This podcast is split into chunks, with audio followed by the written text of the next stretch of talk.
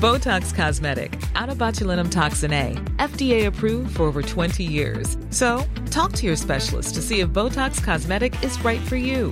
For full prescribing information, including boxed warning, visit BotoxCosmetic.com or call 877-351-0300. Remember to ask for Botox Cosmetic by name.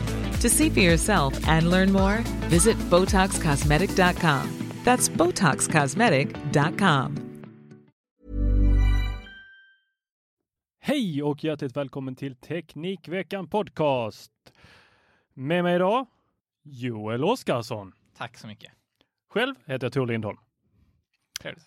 Och eh, vi har lite show notes som vi ska försöka bena ut eh, en efter en. Mm. Eh, det var ju så att Peter, eh, som vanligtvis brukar stå här, han lämnade återbud klockan, eh, vad var det, vid lunch.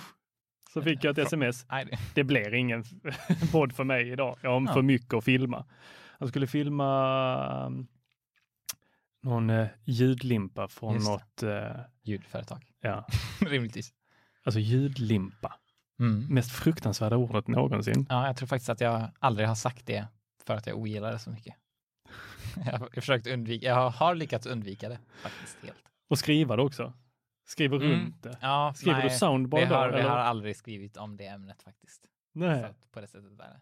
Så för alla nya tittare, lyssnare, vem är du?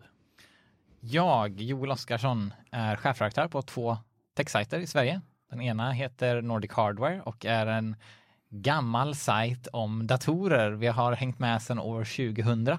Skriver om datorer och datorkomponenter. Eh, Vi har extremt duktiga kom komponentskribenter som inte är jag, utan jag är redaktören för de här kompetenta människorna. Och sen så är jag dessutom chefredaktör och skribent kan man väl kalla mig på surfa.se där jag gör det mesta av eh, innehållet och skriver om smartphones främst men även telekom och mobila grejer i allmänhet.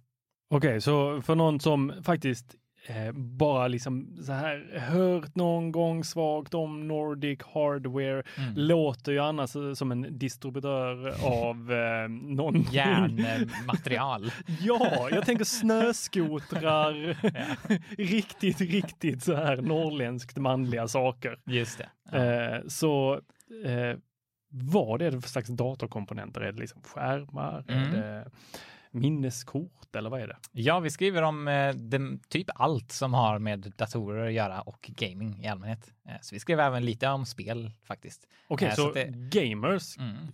eh, söker sig till er? Absolut, ja. Okej. Vi, är, det, är- vi är oerhört bra just för gamers. För att vi ju, jag skriver ju om datorer från ett datorentusiastperspektiv. Och det finns ju de datorentusiasterna som inte spelar spel. Ja. Men de flesta tycker dessutom att spel är roligt. Så det går mycket hand i hand på det sättet. Ja, då hänger jag med. För att annars tänk, jag såg framför mig så här, de som bygger ihop sin egen dator med någon extrem kylvariant och Ja, eh, bara satt och mätte den egentligen. Just Lite det, som absolut. en audiofil som bara så här, "Nej, jag lyssnar inte så mycket på musiken utan det är mest att hitta sweet spoten och hålla på där och pilla med ja, det. så är det ju. Sådana har vi ju gott om också. Kan man Ja, men jag tänker att det är ju bara en liten, liten del. Det är liksom de där procenten, ja, lillprocenten, och de är väl inte majoriteten av era eh, läsare? Eller är det det? Eh, nej, det är de väl inte. Så, så kan man väl säga. Man kan väl säga att vi har en ganska nischad målgrupp. Ja. Eh, det får man väl erkänna. Eh, vi skriver inte jättemycket om eh, gaming på, med Fortnite på iPhone. Liksom. Utan fokuset är ju på de riktigt balla entusiastkomponenterna till stor del. Okej. Så hur är det där hemma när släkten frågar vad du jobbar med? Ja, Är det data då? ja nej. Jag, jag brukar säga att jag är journalist eh, faktiskt. Okej. För det är det enklaste för folk att förstå. Ah, Eh, då är jag Sen- med. Sen om de vill veta mer så kanske man går in, kan gå in på Mm. datorgrejer så. Men då blir, finns det ju risken för att någon blir förvirrad ökar exponentiellt för varje ord man säger. Så okej, Nordic Hardware, Mm. ena benet. Andra benet, surfa. yes. Vad är det? Smartphones skriver vi mest om, men vår ambition är, om att vara så heltäckande som möjligt på om mobila prylar i allmänhet. Det är bara att från Nordic Hardware så har vi en ambition om att bara göra grejer som vi faktiskt kan någonting om. Mm. Så därför så började vi med smartphones. Sen har vi börjat skriva om smarta klockor även och dessutom om svensk telekombransch i allmänhet. Mm. Ehm, och just smartphones är, eftersom vi började med det, vår största kompetens. Så att vi har Svenska Smartphone-guiden som är så vitt jag vet världens största smartphone-guide med över 220 testade smartphones som vi har testat under de gångna åren där alla de testade telefonerna finns med i samma köpguide där man kan komma in och jämföra olika telefoner då eh, för att snabbt och enkelt hitta den bästa telefonen för sig som konsument. Helt enkelt. Okej, och det är du som sitter och testar varenda, varenda telefon. Mm. Så bara så jag hänger med här, för eftersom jag kör ju min iPhone 11 Pro. Ja. Och det är typ den jag kör. Ja. Jag byter ju bara en gång om året. Ja. Hur ofta byter du telefon? En gång i veckan. En gång i veckan. Ganska mycket. Ja, så. Ja, förra året testade jag 52 smartphones. Så det är ganska, 52! ja, så det är ganska exakt en gång i Men veckan. hur många går du samtidigt med? Liksom, har du en i varje ficka? Nej, bara Nej. en. En telefon testar jag åt Okej, gången. så du hårdtestar verkligen som din daily driver? Exakt, ja. Jag har ingen annan telefon utan jag testar. De enda telefoner jag använder är den telefonen som jag testar. Hur ofta blir du flaggad hos banken för att du laddar ner för många bank-id? Aldrig. Jag har aldrig blivit det. Vilket är väldigt skrämmande faktiskt. Man kan ju tycka att de borde ringa upp en och bara fråga hur man mår åtminstone. Men eh, det har de inte gjort än. Ja, gud ja. Ja, tur att försäkringsbolagen inte får, får den där datan. Verkligen. de bara sagt, du, du tillhör ju en, av våra få procent som står för den största delen. Ja, Ja, nu det låter känns som en riskgrupp på något sätt. Exakt. Okej, så du byter telefon en gång i veckan. Mm. Jag har ju lite drömt om det där att byta telefon oftare och då Mm. med iOS så följer ju alla appar med. Så jag rensar ju inte ut mina appar. Nej. Utan det ligger ju liksom, jag kan visa här i en show för dig och så kommer du svimma. Eh, du ser ju här. Det är ju liksom bara sida upp och sida ner. Ja, det är Och det bara fylls på och fylls på och fylls Ja. på. Ja, Det här är ju katastrof. ja är Hur så- är det för dig? Hur ser din telefon ut? Ehm, faktumet att jag byter telefon så ofta Mm. påverkar ju hur jag använder min smartphone i vardagen. På det sättet att jag försöker faktiskt minimera appar som behöver konfigureras varje gång. Ja. Till exempel. Så att jag försöker minimera antalet appar som jag faktiskt använder och som jag behöver konfigurera varje gång. Och eh, så det påverkar min användning och det gör att eh, jag använder väl 60-70 appar ungefär.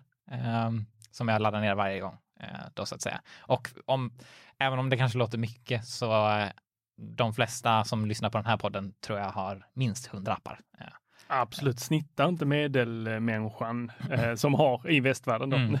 eh, en 150 appar. Det kan jag tänka mig. Eh, sen, sen så använder man kanske inte så många av dem kontinuerligt. Nej, Men eh, appar som man vill ha på sin smartphone brukar ju vara ganska mycket. Så att eh, 60-70, något sånt håller jag mig på. Eh, och på det sättet är ju jag eh, inte en snittanvändare. Men eh, det finns också ett syfte med det ur ett testperspektiv och det är för att jag vill försöka ha en så pålitlig och ja, en så pålitlig användarupplevelse från telefon till telefon så att det inte förändras så mycket. För att appar kan skapa instabilitet och påverka batteritid och sådana saker och jag vill ha en så rättvis bild som möjligt så att därför försöker jag hålla mig ganska stabil i de hänseendena. Men Okej. Så laddar du ner apparna på nytt eller kör du sådana här, eh, jag vet att ni är där på andra sidan pölen där, Ja, ja. Android-träsket. Ja. Ni har också någonting liknande. Vi gick igenom det förra avsnittet, Peter var mycket besviken på att eh, det faktiskt inte var så att all data i apparna följde med. Men laddar du Nej. ner dem manuellt, de här 60-70 apparna, eller Nej, kör när- du en backup? När man loggar in i, i Android första gången, Mm. eh, loggar in med sitt Google-konto, så frågar den ifall man vill återställa. Och då kan man återställa från en valfri telefon som Mm. man har eh, säkerhetskopia i molnet.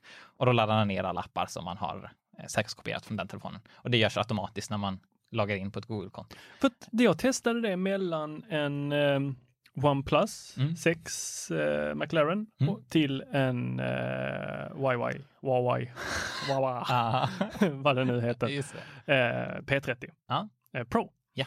Och det gick inte. Det gick inte alls. Nej. Vad var det, Det som var, var problemet? nej, den bara stod så, hej hej, vi hittar varandra.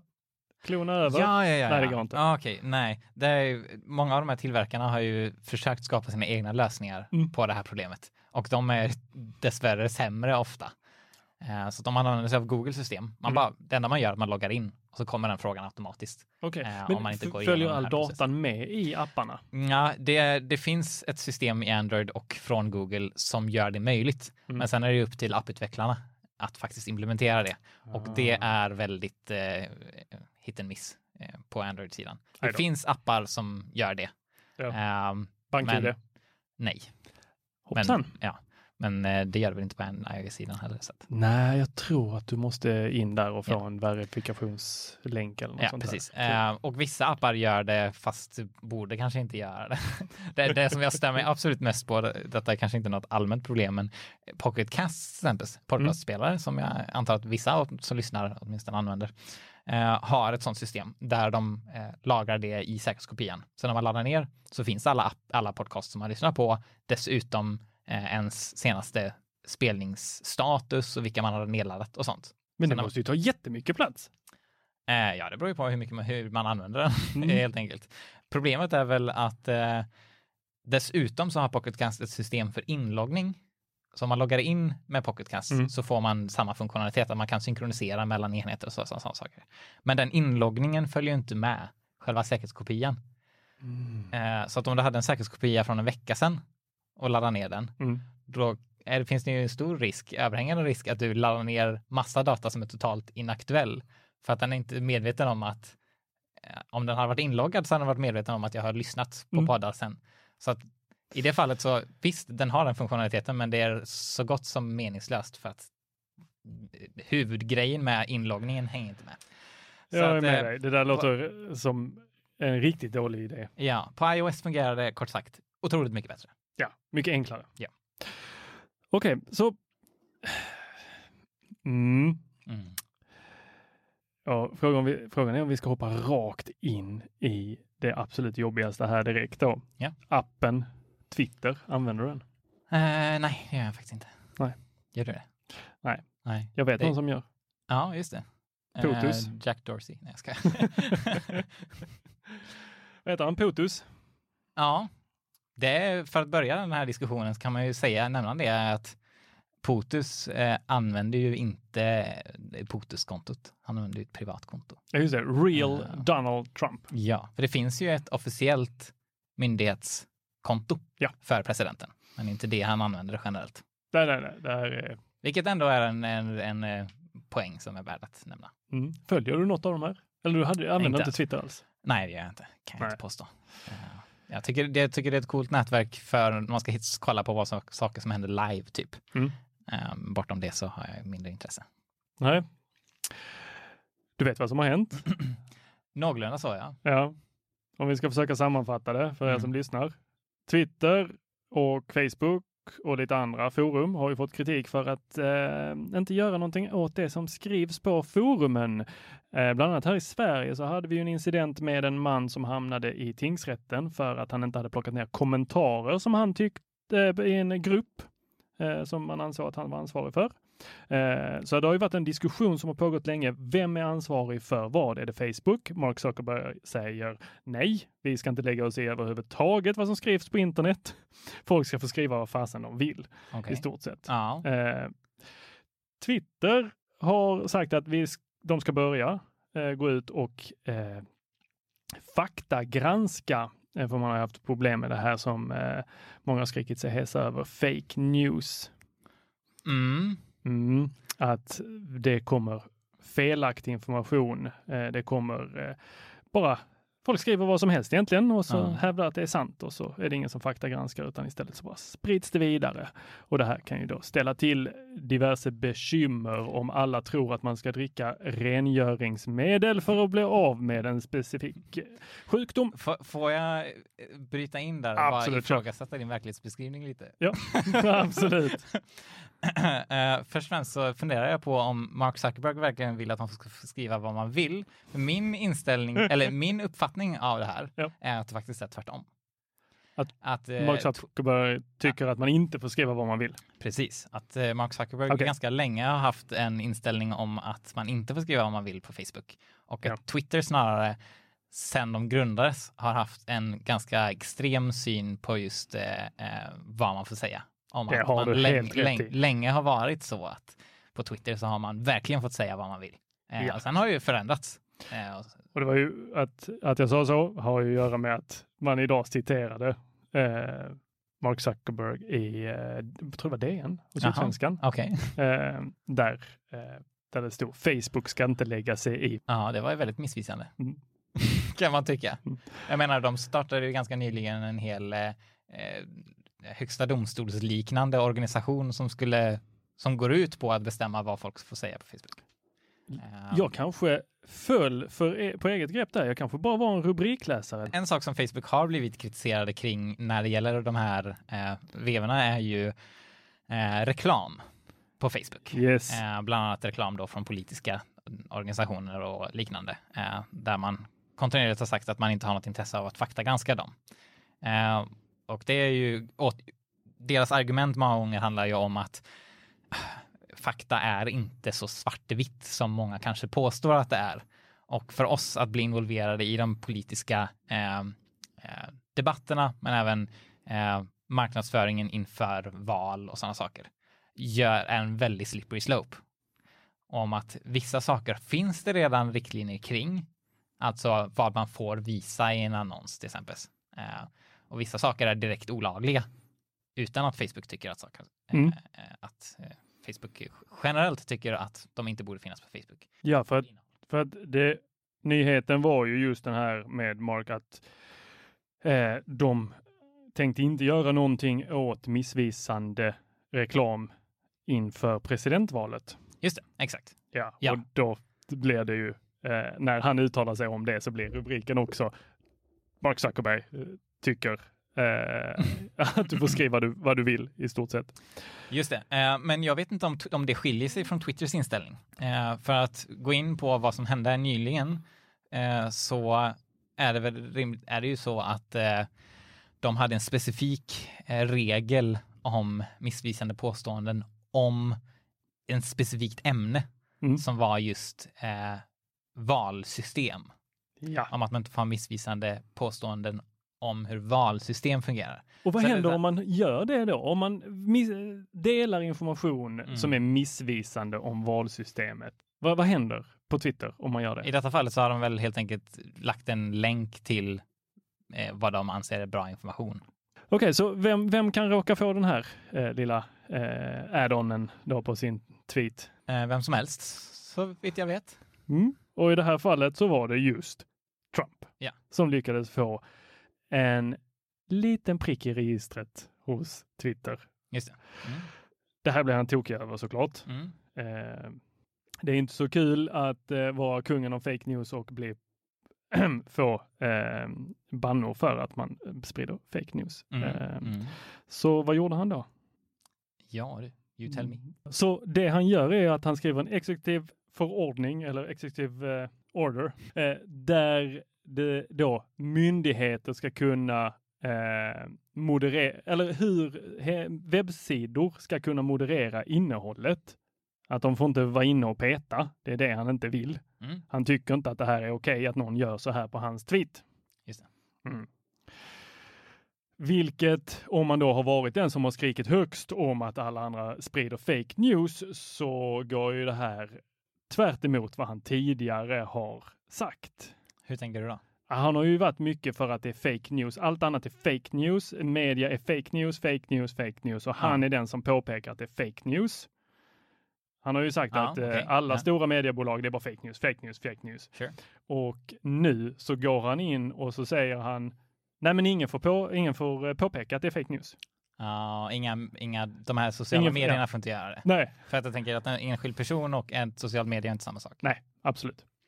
Så det han säger är så bara, okej, alla ni fake news-kanaler, mainstream media som han har kallat det Mm. också, eh, ni fortsätt med det ni gör. Ingen ska få lov att på, eh, ingen sk- ni ska inte eh, ändra. Mm. Och det mina vänner är dubbelmoral. Just det, det kan, man väl, det kan man väl ganska lugnt säga. Så vad tror vi om det här? Eh, kommer det bli någonting av det? Nej, det tror jag inte. Det tror du inte? Nej, i allmänhet så har jag, jag har tillräckligt stor tillit till eh, USAs eh, eh, justitiesystem för att förstå att alldeles för långtgående saker från presidenten har väldigt sällan någon möjlighet att faktiskt genomföras på något rimligt sätt. Jag tror du har alldeles rätt i detta. Ja, eh, min tanke kring detta är ju snarare huruvida eh, dels detta Twitter gjorde, om Mm. det var något rimligt, om de borde göra något mer eh, eller liknande. Varför har de inte gjort detta tidigare? Så vidare. Ja, varför har de inte gjort det tidigare? Specifikt tidigare så eh, verkar det ju som att de tycker att Donald Trump inte har uppnått de här specifika kraven de har haft tidigare. För att deras inställning har ju varit att vi ska inte eh, ta bort innehåll som vanligen skulle bryta mot våra regler om de kommer från citat världsledare. För att det finns ett syfte, det finns ett värde med att veta vad de här världsledarna säger eller och tycker så att säga. Yes, men det där stämmer väl inte helt heller, för de har väl, eh, Twitter tog ju bort eh, tweeten från Brasiliens president för att det gick mot eh, covid-19 eh, reglerna för vad man fick sprida om covid-19. Right, okej. Okay. Så, eh, men detta är väl ett nytt påfund, för de innan som du sa här inne att de har ju tidigare låtit det vara stormar till höger och vänster, Mm. eh, medan att nu så har man börjat då att sätta de här markeringarna, ta bort tweets som man tycker är då direkt olämpliga. Just det, ja. Och kring, kring det här så tycker jag det finns en, det finns en rolig metadiskussion kring detta. Mm. Om att jag kan tycka att sociala medier i allmänhet är ju en typ av eh, plats för diskurs som vi inte har någon historisk liknelse till. Mm. Den är ju ett, ett nytt ställe för oss att diskutera på och behöver kanske en, en ny sätt att, för oss att reflektera över vad man får säga och hur man får säga och hur det ska, om det ska modereras. För att, eh, att stå i parken och prata med folk eh, får man ju säga ganska mycket. Om man eh, däremot är en tidning så får man ganska starkt, eh, åtminstone så är det rent kulturellt, att man får ganska starkt eh, styra vad som finns i tidningen.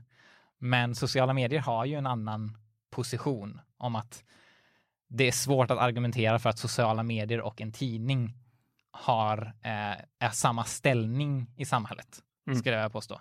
Snarare kanske det är mer likt parkliknelsen, men samtidigt är det inte en offentlig plats, utan det är ju ett privat företags egendom som den enligt mycket lagstiftning, eh, spe- specifikt i USA, har möjlighet att eh, göra nästan vad de vill på. För att ja, om, man, om man inte trivs där på det sociala mediet för att de har någon typ av eh, eh, restriktioner på vad man får säga så kan man gå till någon annan istället. Eh, och- och det är min tanke att vi går just nu igenom en tid där vi försöker till stor del improvisera vad, hur vi ska styra det här, för vi har ingen liknelse kring detta. Eh, och det betyder inte att eh, Twitter har antingen rätt eller fel, utan snarare så tror jag vi fortfarande listar ut vad vi håller på med. Yes, och för, jag gillar liknelsen, men om vi, vi drar den där, li- eh, jag älskar liknelser. Ja, det är det bästa jag vet. Eh, så om Twitter är den där parken, Mm. så det Twitter gör här nu, det är att de går runt och rensar upp alla de här skyltarna som folk har lämnat. Okej. För det är ju det som händer. Ja. Tweeten försvinner ju inte för att du går ut ur parken. De ligger ju kvar där. Ja, De stannar ju där för alltid. Att någon går och ställer sig i parken och pratar, det ju, händer ju bara just i stunden. Just. De som är där hör det. Mm. Men med Twitter och Facebook så stannar det kvar. Det är Ja. ju där länge, så det är lite som att lämna en skylt i en park. Ja. Frågan är hur länge det i praktiken stannar kvar när det gäller Twitter. För att Twitter är ju ganska snabbt medium. Ja, det är inte så jättemånga som sitter och scrollar, tänker jag, tillbaka i folks tidslinje, utan jag tänker de flesta läser väl det live. Eller? Kanske, kanske inte. Nej. Men du, du har ju helt rätt i att Ja. det rent tekniskt så finns det ju kvar. Och det är ju det jag gillar med eh, Instagram. Mm. För att där har du, du lägger upp någonting och det är där i 24 timmar. Ja, just det, med den här... eh, heter. Händelser. Ja, just det. Ja, jag använder knappt det där andra flödet. Nej, nej, nej. Utan det är händelser. Det är där jag lägger upp saker för då är det det. borta sen. Mm. Och jag hade nästan velat att, eh, jag vet inte riktigt hur det skulle fungera, men jag har ju haft någon illusion om att vissa saker bara skulle vara möjliga att se på vissa områden. Mm. Vad menar du? Ja, jag, har- jag har inte tänkt ut det här, men jag har många gånger funderat på att okej, mi- nu är den här händelsen tillgänglig för alla. Ja. Men att jag skulle vilja att bara vissa, de har ju en funktion där du bara delar inom en viss eh, då, nära familjegruppen eller vängruppen. Eh, De har en sån funktion, eh, Instagram, där du delar en sak och sen så är det bara de i din, som du är vän med och då har valt att just de här människorna får lov att se det. Ja. Lite som Facebook har, att man kan Grupper. välja grupper Ja, och man kan välja familj och man kan, ja, vad det nu är. Ja. Att, men att Instagram skulle ha en så här, okej men vi som har varit på konserten, vi lägger upp och så taggar vi in konserten Mm. och eftersom alla GPS, eller alla filmer och eh, foton är GPS-taggade så kan jag, eh, så eh, är det bara jag som kan lägga upp på det här stället och det är bara de som är där som Mm. kan se det. Right. En sån funktion hade jag tyckt var jätteball. Så bara alla, bara amerikaner som får läsa Donald Trumps tweets, var det det du tänkte? Nej men eh, alltså, jag har inte tänkt klart det här. Nej, det är bara liksom en sån som har slagit mig flera gånger. Bara, men det där. Ja. Så jag vill ju veta mer här. Joel, du, du sitter ju i rummet här bredvid Mm. eh, tillsammans eh, med Teknikveckan. Är- Eh, och eh, jag hör ju dig ofta, eller några gånger har jag hört dig prata om någonting som heter RCS. Just det. Vi har ju lyft det någon gång i podden, jag och Peter, Ja. men eftersom vi är noviser på det, så Ja, okej. fill me in. Vad är det? Just RCS. Det RCS? RCS är Rich Communication Services. Jag det är, står för, det är kan man väl säga, eh, den moderna tidens sms. På den tiden, på det sättet att det kommer förhoppningsvis, för ur mitt perspektiv, att ersätta sms. Att det kommer fungera ungefär som sms med Alltså utökad typ- funktionalitet. typ iMessage. ja, med skillnaden då att likt sms så går det via teleoperatörer och det fungerar för alla. Eh, detta är förhoppningen, fungerar för alla utan att man behöver signa upp på något privat företag som inte är en teleoperatör. Eh, deras tjänst och vara inlåst i en specifik app eller sådär, utan det är en standard som vem som helst kan utveckla en app för det. Vem som helst kan ha den på vilken operativsystem som helst. Det är öppet för alla som har ett telefonnummer i alla delar av världen, oberoende på eh, om du har rätt telefon eller om deras om tillverkaren har stöd i ditt land eller vad det nu kan vara. Men vi måste ha telefonnummer. Är det det det låst till? Exakt. Ja. Okej, det, telefonnummer. det måste finnas någon typ av identifikation och då är det Är telefonnummer. det som är det modernaste vi har? För att... Nej, det, nej, det är det inte. Nej, det är det inte. Nej. Eh, Anledningen till att jag tycker att RCS är en intressant teknik Mm. är för att jag är ett fan av öppna standarder och tillgänglighet. Dels eh, för att jag är ett fan av vad det kan göra för potential för personer som inte eh, har det så bra som vi har det. Dels för att det är bra för de personerna som eh, inte har möjlighet att få tillgång till de här inslutna systemen som vi till stor del förlitar oss på. Eh, men även för att det skapar en stabilitet över tid som de här systemen inte kan skapa. Så det ger ett grundläggande kommunikationssystem som har modern funktionalitet för att vara attraktivt att använda, men som är stabilt och kanske kan undvika till exempel censureringsfrågor från privata eh, storbolag som styr över en hel tjänst, så som Facebook till exempel, som styr över WhatsApp och liknande, av hur, över hur den funktionalitet, hur den appen fungerar och så vidare. Du tänker lite på eh, den kinesiska eh, appen. Eh, vad heter den? Moibo. WeChat? Nej. Ja, det kanske var WeChat som hade Nej. börjat censurera covid-19 eh, kommentarer. Jaha, det kände jag faktiskt inte till. Jo, Nej. innan eh, allting satte igång så visade det sig Ah, att de right. hade censurerat en del Ja, sådana. det känns väl rimligt. Eh, Men, men, bara rent konkret, Ja. vad, hur funkar detta? Vad, det, vad, vad kan det här ge mig? Spela upp ett scenario där jag faktiskt kan använda RCS. Just det. Eh, I framtiden förhoppningsvis så har din telefon och alla dina vänners telefoner stöd för RCS på samma sätt som att alla dina vänner har sms i sin telefon. Okej, så jag måste ha en Så- ny app. Eh, för nu har jag ju, just nu så har jag ju Facebook Messenger, sen har jag eh, Instagram meddelanden och sen så har jag iMessage. Just det. Och i iMessage så har du ju stöd för sms. På samma sätt så kommer du förhoppningsvis ha stöd för RCS där i framtiden. Okej, Eh, så, att det kommer vara i min meddelande-app då? Exakt. Ja, precis. men jag kommer fortfarande ha Messenger eller?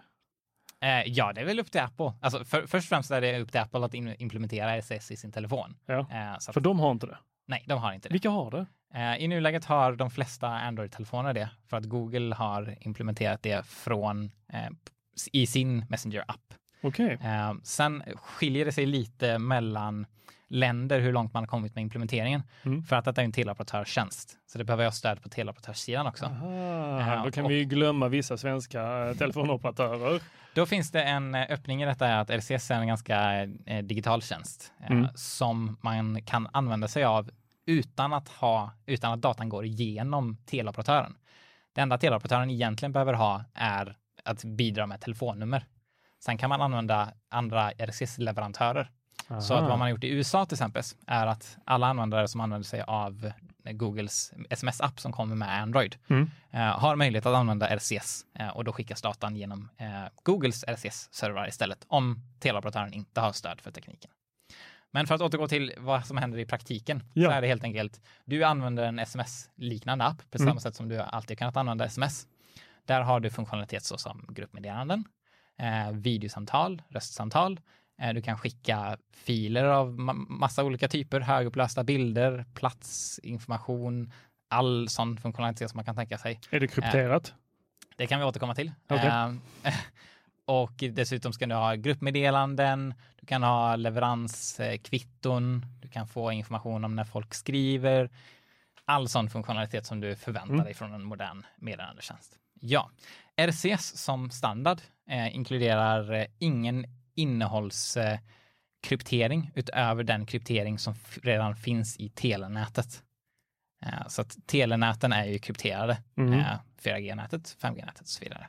Eh, sen finns det saker man kan påpeka just där om att de näten kanske inte är så, smart, så bra. Däremot så vet vi att RCS är utvecklat för att själva meddelandena i sig kan anpassas av eh, eh, klienterna.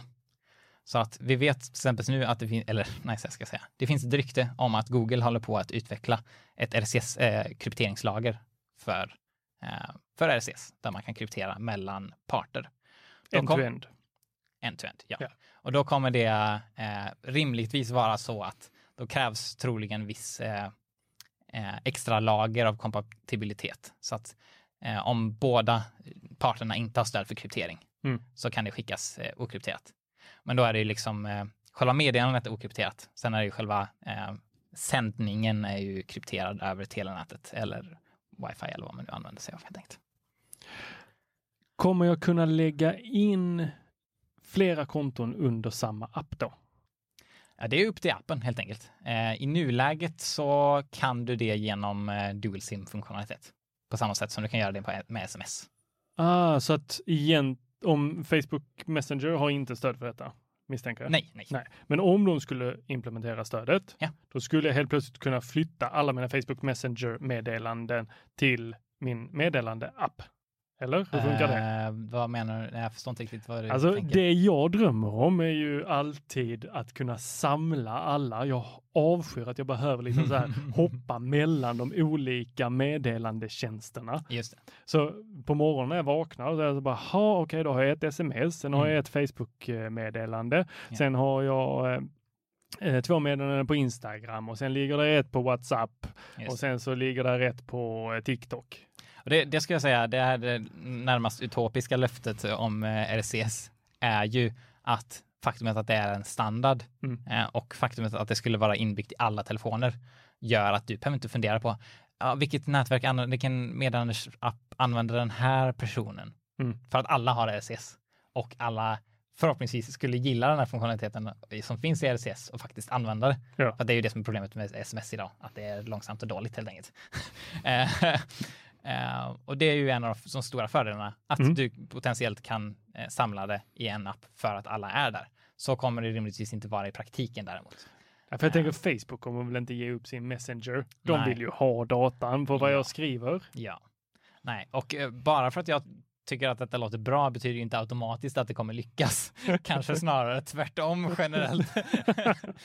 Eh, Åh, det Men- brukar tyvärr vara så. Ja, men Google i alla fall satsar väldigt hårt på det och de Mm. har ju över 85 procent av alla eh, smartphone-användare på planeten under sina vingar. Eh, Google har ju misslyckats brutalt i meddelandevärlden eh, under de senaste årtiondet genom att lansera Varför det? De har gått in halvvägs med tjänster sen insikt, insett att det funkar ju inte. Så då lanserade de en ny och så gjorde de samma sak om och om igen. Det är det de har gjort i princip. Sen har de ändrat på mycket på sin marknadsföring och bytt namn och så, på tjänster i nästan absurditet. På ett sätt som jag har gjort att det har misslyckats riktigt brutalt. Så att eh, det var väl för tre år sedan eller sånt där som de insåg att vi kör på en standard helt enkelt. Det, det bästa som kan hända med RCS är att det dödar våra konkurrenter. Vi kommer inte vinna någonting på det här, men vi kommer, vi kommer aldrig vinna överhuvudtaget. Så det är väl den inställningen som Google verkar ha kring detta. Helt enkelt. Ja, den som lever får se. Japp. Mm. Någonting annat, alltså vi har ju ett vanligt segment i podden som heter veckans forumtråd. Mm. Vi har egentligen två forumtrådar, egentligen en nyhet och en forumtråd. Eh, hur är det med smarta hem? Hur smart är ditt hem? Extremt dumt. Ja, det här fascinerar mig med dig. Alltså, du har så mycket teknikprylar. Ja. Du, det är så extremt mycket. Jag har varit och kollat eh, där ni eh, har era grejer. Ja, det är ju nästan oändligt mycket grejer. Ja. Det är det ju. Ja. Det, det skulle ta en livstid att gå igenom allt. ja, typ så är det ju. Eh, ja. Och sen så får jag höra att hemma ja, så är det lite som medeltiden. just det. det är, Du kommer lite hem så. och så tänder du ett ljus på en sån här, går runt, Ja, nej men det kissar har... i potta. Ja, precis. Eh, jag har jobbat från början på fritiden i Mm. den här branschen i eh, snart 11 år och har jobbat eh, på heltid med det i fyra år. Och eh, för varje år som har gått så har jag känt att det som var en hobby verkligen har blivit mitt jobb. Eh, på det sättet att dels jag tycker det är så fruktansvärt roligt att gå till jobbet. Mm. För att det är det bästa, det är väl det min hobby liksom, som jag gör på mitt jobb. Det betyder att när jag kommer hem så är jag redan färdig med min hobby. Har inget som helst behov av att utöva min hobby längre. Nu kan jag snarare utöva andra hobbys. Eh, och utöver det eh, så finns det vissa personlighetsgrejer som gör att just smarta hemmet passar väldigt dåligt till mig. Och det, huvudgrejen är att jag vill att saker ska fungera. Du säger där- alltså att det- det smarta det- hemmet för- fungerar aldrig. Nej, för, för att vara helt ärlig så fungerar en knapp som man trycker på väggen fungerar nära på 100 procent. Och Mm. så är det ju inte, helt för att vara helt ärlig, i smarta hemmet. Och det Nej. vet jag, för att jag spenderar eh, åtta timmar per dag för att fippla med teknik Mm. som för det mesta inte fungerar helt enkelt. Eh, Fantastiskt. För att, för att teknik fungerar ju sällan eh, särskilt väl. Och ska särskilt inte ärlig. när det verkligen behövs. Nej, Det är ju alltid då det krisar. ja. Och det är ju... Det, Vi, vi var ju hemma hos eh, Peter igår och Ja. var verkligen så här, nu måste vi ha wifi. Det var liksom mm, jag skulle testa högtalare. eh, högtalare. ja. Vi, var, vi bara så, måste ha wifi här Ja. för att konfigurera detta. Klart att wifi ligger nere. ja, det fungerar inte alls. Och Peter satt där, "Ja, jag vet inte varför. Nej. Hans son kom hem. "Åh, Pappa! Vad var det han sa? Hans son? Nej, det vet jag inte. Jag tror inte här det kommer från. Jo, han sa något så fantastiskt som att det finns i, nej, vänta, wifi funkar inte. Kan du inte fixa det? Nej, jag vet inte vad felet är, säger Peter. Och hans lill-esse svarar, då finns det ingen mening med livet. Ja, just det. jo, det hade jag faktiskt. Ja, det, ja, det, nej, det är, det är ju nästan sant faktiskt. Det är nästan så. Ehm, men i alla fall. Uh, ja, jo, jag tänkte säga att eh, duktiga teknikanvändare Mm. är ju användare som är duktiga på att acceptera att saker inte fungerar och sen bara take care of it. Ja. För att så är det. Och jag tror att de flesta, om man tänker efter på hur man använder sin teknik, så inser man hur många konstiga saker man gör och hur många saker som går snett som man accepterar varje dag. Eh, där tekniken fungerar bra i vardagen för att man har lyckats, lyckas hantera de tillfällena där det fungerar riktigt kast. Eh, Japp. Så är det. Och eh, i slutändan så älskar jag åtminstone det tekniken kan bidra med. Men det betyder inte att jag inte inser att skiten väldigt sällan fungerar perfekt. Så det här vill du inte ha hemma. Men om vi återgår till veckans forumtråd, för Mm. du har ju pratat lite om din dörr från 1800 frös ihjäl.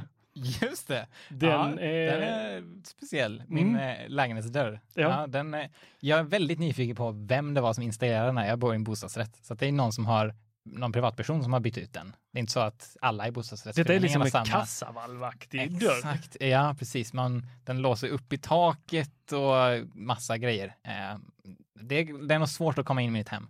Så för alla lyssnare, eh, man måste alltså vara i stil med Tom Cruise och fira sig ner för att bryta sig in hos dig. Något i den stilen, ja. Ja. Precis, ja. Ja, och det var ju på den, den dörren är ju på den nivån att själva låsmekanismen Mm. är så speciell. Så att när jag bestämde mig när jag flyttade in där för att byta ut den här låscylindern För att han hade inget vred på insidan. Man var tvungen att använda nyckeln på insidan, vilket låter som en oerhört dålig idé. Särskilt om det typ, jag måste skynda mig ut. Ja, ja precis. Det brinner. Låt mig fippla fram mina nycklar. Ska jag byta ut dem? Det visade sig vara oerhört svårt eh, på den nivån att eh, när jag ringde, när jag bad låssmeden ringa Assa, som ändå var företaget som gör Mm. cylindrarna, så hade de ingen aning hur de skulle lösa problemet. Men jag lyckades få tag på en Ebay-snubbe som kunde hjälpa mig med, med det. Känns ju tryggt när ens lås kommer från Ebay. Eh, men alla total på, på tal om Assa då. De eh, hade inte heller så bra säkerhet. Nej, det, det känns ju inte jättelovande då. Nej, vad var det, var det som hände här? Det var inte jag som skrev nyheten och det var, utan det var Peter Mm. som hade hittat här på eh, lite information om kommande Yale Doorman, Just det. Alltså version 3. Och Right. eh, har du testat något av de här? Det är Inte en alls. dum fråga eftersom du sitter där på din, ditt Ebay-lås. Ja, just det, exakt. Nej, det har jag inte, men jag skulle vilja göra det. Eller jag tror, jag har en bild av att, oj, nu råkade sätta något i halsen. jag har en bild av att eh, just dörrlås är en av få IoT-saker som jag skulle kunna tänka mig att ha. Sen Ja. har du berättat att det skulle inte vara så bra kanske. Men Nej, det beror alltså lite på vad man jag har för typ ju, av setup kanske. ja, jag har ju haft en, eh, en, eh, vad heter det? Du står still. Lockitron hette det. Damn, alltså Wow, jag förträngt, ja, jag Ja. har förträngt det fruktansvärda låset. Ja. Jag hade två versioner av det. Eh, Kickstarter och sen så eh, det som de faktiskt började sälja ordentligt av som hette Bolt, tror jag det hette. Eh, fruktansvärda saker. Mm. Eh, var kul, men som sagt, man var tvungen att acceptera väldigt mycket trassel. Det. Och sen har jag testat ID-lock från eh, Norge och eh, det uppskattar jag faktiskt. Jag gillar det. Eh, men det är ju pill. Det är ju mycket pill med det. Mm. Så här eh, ställa in det till höger och vänster. Jag vet att eh, Fabian eh, som har den här Tesla, eller vet elbilspodcasten. Fabian, aha, han heter det. Ja, Fabian Okej. Ruben tror jag han heter. Eh, han har han har rådissat ID-lock eh, Jaha. så många gånger om. Jag tror de har tre olika versioner av det eller så här, eh, i, i huset där han bor. Okej. Eh, han gillade inte alls, han tyckte det var dålig respons på det och eh, det var dåligt med ditten och datten. Men vi har ju konstaterat det många gånger här innan att vi vill ha smarta saker som tar ner antalet moment. Eller jag vill ha det. För en hemautomatisering så vill jag ha bort momenten. Ja. Momentet att ta upp nycklar. Ja. Det ska vara smidigare att gå in i lägenheten eller huset Ja. och då komma fram till sitt dörrlås, knappa in en kod. Det ska vara smidigare än att plocka upp nycklarna. För då plockar du hellre upp nycklarna. Och, ja, annars finns det ingen poäng längre. Eller? Nej, exakt. Och att gå in i en app på en telefon för att Ja. öppna ett lås, vilket var med de här eh, Lockitron, då var det ju, alltså det, det- nej, då Nej. plockar ju hellre upp nycklarna. Ja. Så jag hoppas ju här då, och det har ju varit länge med Yale Dorman, att de har lovat att det ska komma HomeKit-kompatibilitet för att då ska man ju då kunna sätta in funktioner, eh, alltså att få in det i hemautomatiseringen, att larmen ska kunna gå på och eh, om man kommer hem inom en radie så ska det öppnas. Nu är ju tyvärr HomeKit så pass begränsat så att det, det accepterar inte att låsen låser eller låser upp, utan det som händer är att du får en notis på skärmen som säger nu, nu vill den här sätta igång detta. Vill du låsa eller vill du låsa upp? Okej. Så, och sen så måste man, man måste interagera med det. Ja. Jag, jag tycker att eh, det där kan man väl få klicka i en liten sån agree och sen så eh, tänker jag att man hade fått slippa de där notiserna. Ja. Det hade varit rätt skönt. Det Eh, men det som Yale är väl, är väl att du kan ha sådana här brickor, NFC-brickor, du kan ha koder och du kan skicka ut eh, temporära koder. Och det är väl smart. Mm. Och många av de här systemen är ju att de är låsta. Alltså de, eh, vi pratade om det förra gången, eh, eh, förra podden, jag och Peter, att ibland så är dumma, alltså smarta saker, där det behövs fler knapptryckningar, blir dumma, och, men ibland så kan de vara väldigt smarta om de inte integreras med andra saker. Mm. Så att du kan ha en smart produkt som bara gör det den ska göra. Ja. Den behöver liksom inte integreras med att ja, men nu vaknar Nice. jag mitt i natten. Ja. Men det är ju så, jag är ju väldigt lagd åt det hållet att jag vill gärna ha sensorer som känner av saker så att utifrån då massa if-satser Mm. så händer det saker i mitt hem. Om övervakningskameran ser en person som har samma gångstil som du så låses dörren upp. Exakt, där, nu pratar vi. Det hade jag velat ha. Ja. Eh, men Yale lyckas då eh, läcka den nya versionen och den står det då att den ska ha integration med HomeKit och Google Home tror jag det var också. Nice. Eh, men de, de har ju pratat om de här modulerna länge och i deras värld så vet jag inte riktigt hur, hur lång tid det tar innan de implementerar det här. Men det är ju de som har lyckats läcka det själva genom att publicera den här informationen på en hemsida. Det är, ju- yes, så det är det är bra jobbat. Det, det, det, alltså nu när, när jag tänker på det. Vill man ha ett lås från ett företag som, som inte kan hålla en hemsida säker? Ja, jag, jag kan inte påstå att jag är expert på just de här sådana här typer av lås, men Yale anses väl ändå vara ett av de bättre företagarna i branschen. Ja. Så att säga, ja. Så att, eh, detta var ett snedsteg som ändå kanske är mindre i jämförelse med alla konkurrenters eh, många snedsteg. Verkligen. Och, och det, det som också kommer här med funktionerna som ska vara, det är ju att du kan, eh, den har en ringklocka.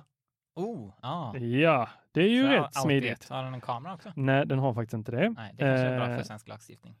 Än så länge, ja. Eh, det den också har är någon sån tampering, alltså att eh, det är något larm där som att eh, den märker om du håller på med den tror jag. Ja. Och den skulle ha bluetooth också. Eh, jag säger väl wow till det mesta där förutom ringklockan. Alltså jag tror Ja. att det är bra, men jag har inte hört om någon där de folk fattar vad en ringklocka är. Alltså de här smarta ringklockorna. Aha. Folk trycker ju inte på dem. Nej. Folk Nej, är- detta måste ju rimligtvis vara ännu svårare att fatta. Ja, Ja, man det kan- är det låst. Jag vågar inte trycka på det. det är, de, folk kommer att börja knacka som galningar istället. Ja. Nej, ska man göra en smart ringklocka, ja då behöver man ha en sån, ni vet de här vita med den svarta lilla runda ringen, Ja. knappen. Det är såna. Ja. De, då vet folk att det är en ringklocka. Om man sätter en klisterlapp på själva knappen så står det ring. Kan det fungera? Kanske. Fast det är upphovsrättsskyddat, eller jag menar det är varumärkesskyddat inser. Ja, det, det skulle väl vara det i så fall. Eh, skriva stort ring. Eh, på bilden här som eh, har lekt från Yale Dorman eh, på trean eh, så är det en liten klocka. Men Just jag det. vet inte om folk kommer Nej, fatta det. tror Jag tror inte det. Nej. Nej. Den är någorlunda snygg i alla fall, kan jag tycka. Ja, Vad tycker du om designen? alltså både och. Den ser ut som den har gjort tidigare. Jaha, okej. Eh, Nej, eller alltså den, den ser ju annorlunda ut, men den är, det är samma sådana här eh, färgkombinationen, samma liksom stil på knappsatsen. Väldigt mjuk och rund är den. Den Ja. ser väldigt snäll ut. Den ser väldigt snäll ut. Eh, jag vet inte, jag tycker ju att ID-locket är mycket, mycket snyggare. Det Okej. är eh, det är liksom en coolare eh, design på ID-lock. Mm. Den är, det är liksom ett riktigt eh, så här hårt, fyrkantigt, ser mer skandinavisk ut än... väldigt mycket mer skandinaviskt, eh, väldigt mycket mer, eh, eh, vad ska vi säga, jag tänker lite viking när jag ser det. Ja, det var väl skandinaviskt. Ja. Per definition. Ja, men det, det Så, och det, jag uppskattar det. Men jag ska givetvis införskaffa ett Yale Dorman version 3 när det kommer. Spännande. eh, Och, det har återkomma. vi ingen aning om när det är. Nej, tusan. De Tror säger du det är i år? tveksamt. På riktigt? Oj, det var ett skämt. Men det var alltså tveksamt. Men de har ju snackat om den här, alltså om, hemsidan såg inte klar ut som den eh, stod öppen. Nej, det gjorde det verkligen inte. Nej.